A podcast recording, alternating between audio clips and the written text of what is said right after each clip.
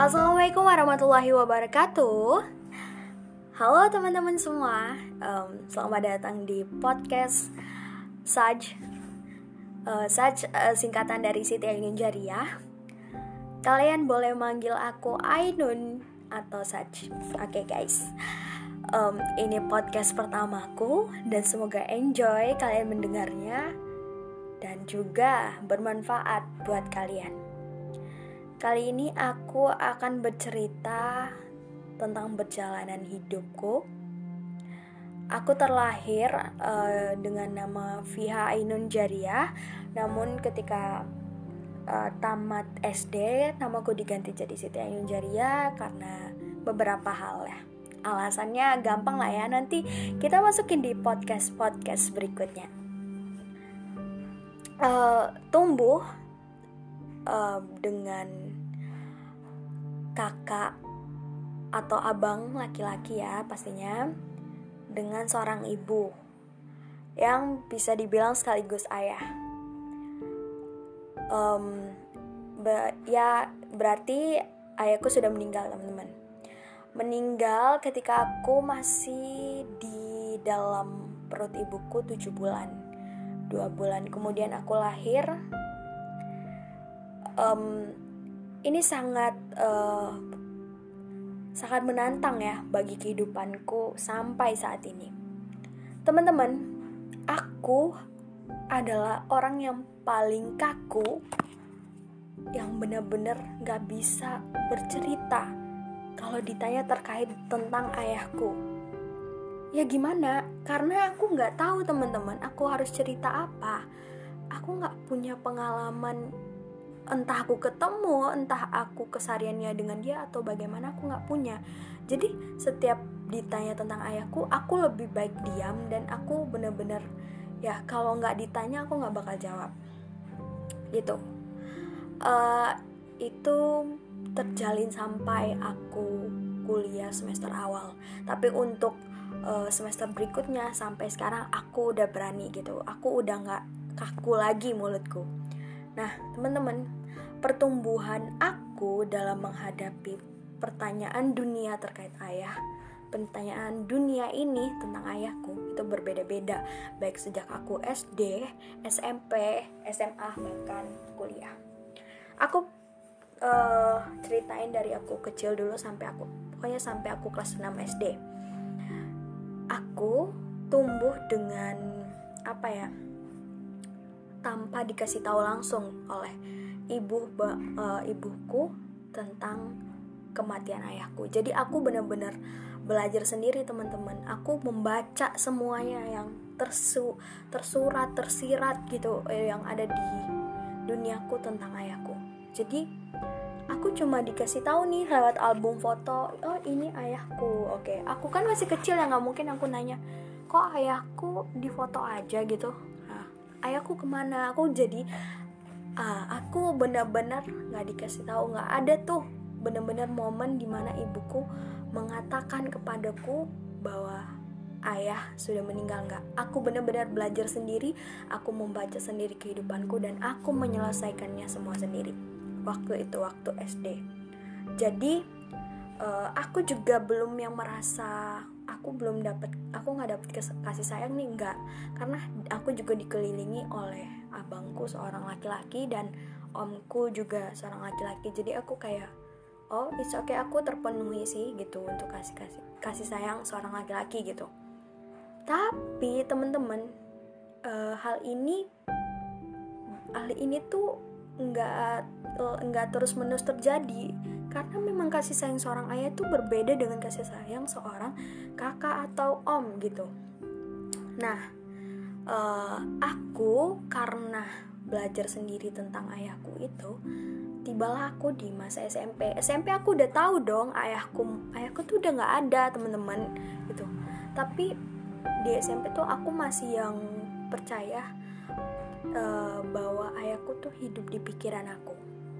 Aku mau ceritain dari sejak kecil aku udah dibiasain sama ibuku membaca membawa salam jika melewati kuburan. Jadi aku bener-bener ngucap gitu kalau aku lewat kuburan Assalamualaikum teta, aku mau pergi ke sini nih gitu. Aku bener-bener ngucap dalam hatiku kalau lewat kuburan tuh teman-teman.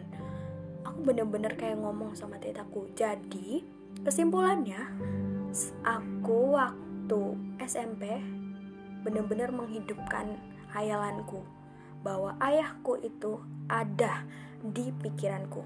Nah, sejak SMP itulah aku menjadi seorang yang benar-benar lebih tomboy lagi. Tomboy itu dalam hal jiwa ya. Jiwaku tuh bener-bener kayak wah agak keras gitu. Aku uh, nggak yang penampilan tomboy tapi jiwaku tuh bener-bener keras gitu. Jadi aku cuek. Aku bodoh amat sama dunia-dunia luar. Bahkan aku nggak bisa nangis teman-teman. Aku nggak pernah nangis yang berkaitan dengan seorang ibu atau seorang ayah nih tentang cerita-cerita sedih aku nggak bisa nangis. Saking sekeras itu uh, yang aku rasain waktu SMP aku tuh aneh banget teman-teman. Kalau ada temen cewekku nangis gara-gara cuma mereka diceritain kisah-kisah sedih tentang seorang tua. Aku nggak bisa. Aku malah apaan sih? Cengeng banget gitu. Waktu aku SMP tuh aku bilang kayak gitu. Nah uh, ayahku ini uh, bagiku waktu SMP itu dia adalah seorang malaikat. Malaikat yang aku percaya bahwa ibuku selalu cerita uh, uh, ayahku tuh selalu ada dia selalu lihat aku lagi tidur kayak gitu gitu ibuku tuh sering banget kayak dongengin aku gitu guys sebelum tidur dulu. Jadi ayahku tetap masuk dalam dongengku juga. Aku benar-benar seorang penghayal waktu SMP nah um, bagiku kalau aku jatuh terus aku bangun aku bangun nih itu aku bagiku tuh ayahku tuh lagi bantuin aku guys. Jadi bener-bener aku tuh jadiin alasan kalau ayahku tuh ada sebagai malaikat yang nolongin aku waktu aku SMP tapi di SMA berubah.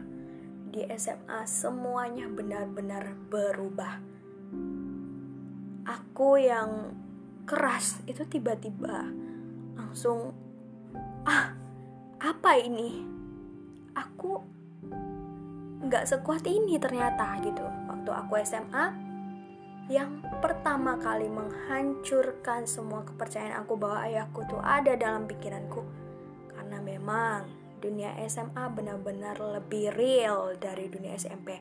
Aku benar-benar merasakan bagaimana teman yang dulunya baik nah jadi tidak baik. Aku juga merasakan uh, bagaimana patah hati karena seorang laki-laki itu aku merasakan dunia lebih berat pelajaran-pelajarannya juga bikin aku pusing gitu kan.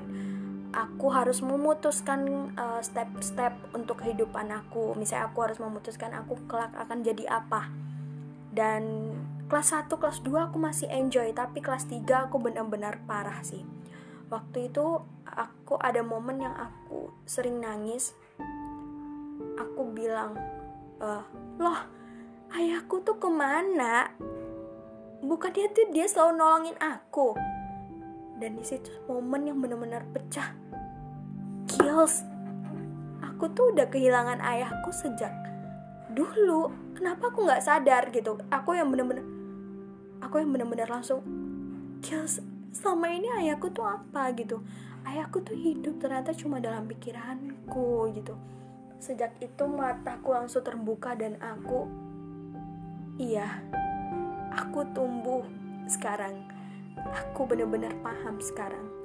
Iya ayahku tuh ternyata nggak ada. Aku tuh bener-bener yang uh, ngerasain itu karena waktu itu aku benar-benar pusing. Aku harus lanjutin uh, step demi step yang aku mau ke kuliahan itu kan aku harus mutusin aku jurusan apa aku harus ngambil kampus di mana. Di situ tuh aku butuh yang ngedorong teman-teman waktu itu. Dan aku pikir aku butuh ayahku gitu. Nah momen itu juga terpecahkan karena aku melihat teman-temanku diantar oleh oleh oleh oleh orang tuanya diantar oleh bapaknya ke sekolah. Kemudian benar-benar aku mulai merasa iri waktu itu karena uh, peran laki-laki yaitu ayah dalam kehidupan mereka tuh benar-benar terlihat jelas di aku. Sejak saat itu aku baru bisa rasain patah hatinya. Bener-bener aku rasain bagaimana hancurnya tanpa seorang ayah. Karena beberapa konflik juga terjadi dalam hidupku waktu SMA oke masuk di fase perkuliahan. Di tengah kehancuran hidupku selama SMA Allah lah yang menjawab semuanya. Allah memberi aku keselamatan. Baik itu aku diluluskan SMPTN kemudian Allah menjawab uh, yang dulu aku pernah pacaran dan aku diselingkuhin Allah menjawab siapa lelaki ini sebenarnya? Kemudian uh, aku sering banget pengen ikut lomba uh, dan aku dimudahkan aku dikasih kemenangan terus ikut-ikut lomba aku mau ikut event apa aku dikasih gitu. Aku bahkan sering banget kayak hampir kecelakaan jatuh yang bisa dibilang hampir meninggal tapi Allah masih selamatin. Di situ aku langsung cepat bangkit teman-teman waktu aku masuk kuliah. Aku bakal kuliah jauh pertama. Dan aku nggak mungkin sesedih ini terus kayak aku bilang waktu itu. Kedua Allah memperlihatkan kepada aku kekuasaannya kenapa sih aku nggak bersyukur sama apa yang aku telah jalani gitu? Ya bisa dibilang aku diselamatin sama Allah dengan berbagai macam yang aku alami. Karena aku lihat juga teman-teman aku yang tam yang orang tuanya sudah meninggal itu banyak yang uh, yang bisa dibilang hidupnya lebih-lebih hancur gitu. Maksudnya mereka sehancur itu gitu. Dan aku nggak bisa ya bilang hancurnya kayak gimana tapi Teman-teman pasti tahu bagaimana anak-anak yang broken home atau emang tumbuh tanpa seorang ibu atau tanpa seorang ayah pasti sangat melewati hal-hal yang baik itu mental maupun fisik mereka sangat tidak baik. Jadi sejak kuliah aku pikir teman-teman bagaimana ya aku kok bisa uh, mencintai seorang yang gak pernah ada dan seseorang itu hanya lewat cerita lewat cerita orang. Saat ketemu aku dia ceritain ayahku lewat cerita ibuku. Kenapa ya aku benar-benar bisa mencintai ayahku? Lalu aku memikirkan kalau ayah nggak ada dan nggak pernah ada selama hidupku dan aku sangat mencintainya kenapa aku juga nggak mencintai Allah yang aku memang nggak lihat Allah wujud Allah kayak gimana tapi Allah juga selalu ada buat aku Di situlah aku memahami bahwa aku hidup di dunia ini bukan sekedar hidup untuk diriku sendiri di untuk kebahagiaanku di dunia saja tapi kebahagiaanku untuk di akhirat. Gimana sih caranya aku untuk berterima kasih kepada Allah ya itu aku mengambil langkah yang bisa dibilang aku banyak belajar yang dulunya aku masih sering copot jilbab masih buka buka pakai buka pakai lah. Nah aku memutuskan untuk memakainya benar-benar tidak lagi mencopotnya. Aku belajar tentang sunnah-sunnah agama dan aku nggak lagi pacaran kayak gitu-gitu. Karena aku tahu perjalanan hidupku tuh dimulai dari situ. Bahwa aku sudah menemukan diriku dan nantinya soal ayahku ini aku pasti akan lebih ikhlas aku pasti bisa lebih belajar karena aku berada di dekat Allah. Allah yang mengambil ayahku, Allah juga yang menjelaskan kepadaku uh, kenapa dia mengambilnya dariku. Dan tentunya aku nggak akan pernah bersedih karena ayahku sudah berjalan lebih dulu ke Allah gitu. Um, menjadi se seorang yang saat ini berdiri uh, dengan menurut aku hebat. Karena aku sudah melewatinya, sudah melewati fase-fasenya. Um, aku nggak bisa bilang aku nggak nangis atau aku udah nggak sedih-sedih lagi, tapi setidaknya aku nggak lagi di posisi anak SD yang nggak tahu apa-apa. Aku nggak lagi di posisi anak SMP yang begitu keras dan nggak bisa nangis. Dan aku bukan lagi anak SMA yang menyalahkan keadaan. Tapi di sini aku sebagai seseorang yang di umur 21 tahun bagaimana bahwa seseorang jika mereka orang baru mempertanyakan siapa? Kenapa? Di mana ayahmu? atau uh, apa pun tentang ayah aku bisa menceritakan itu aku nggak lagi kaku aku nggak lagi keras uh, aku nggak lagi menolak untuk bercerita tapi aku bisa. Dan di sini di podcast ini aku bercerita. Aku mungkin jika bercerita di depan kalian langsung aku akan sedikit sedih atau aku akan menangis. Karena aku tidak terbiasa bercerita kepada orang lain maka melalui podcast ini aku bercerita tanpa melihat kalian. Jadi aku benar-benar lega semoga di podcast ini juga ada makna yang bisa kalian ambil, ada manfaat yang bisa kalian ambil. Thank you guys. Um, jadi pesan aku, jika kalian masih mempunyai kedua orang tua yang lengkap, tolong kalian jaga, kalian sayangi, gitu ya. karena kalian nggak akan pernah tahu kapan Allah mengambilnya, kapan uh, baik itu ibu atau ayah kalian jadi, jagalah semampu kalian. Thank you.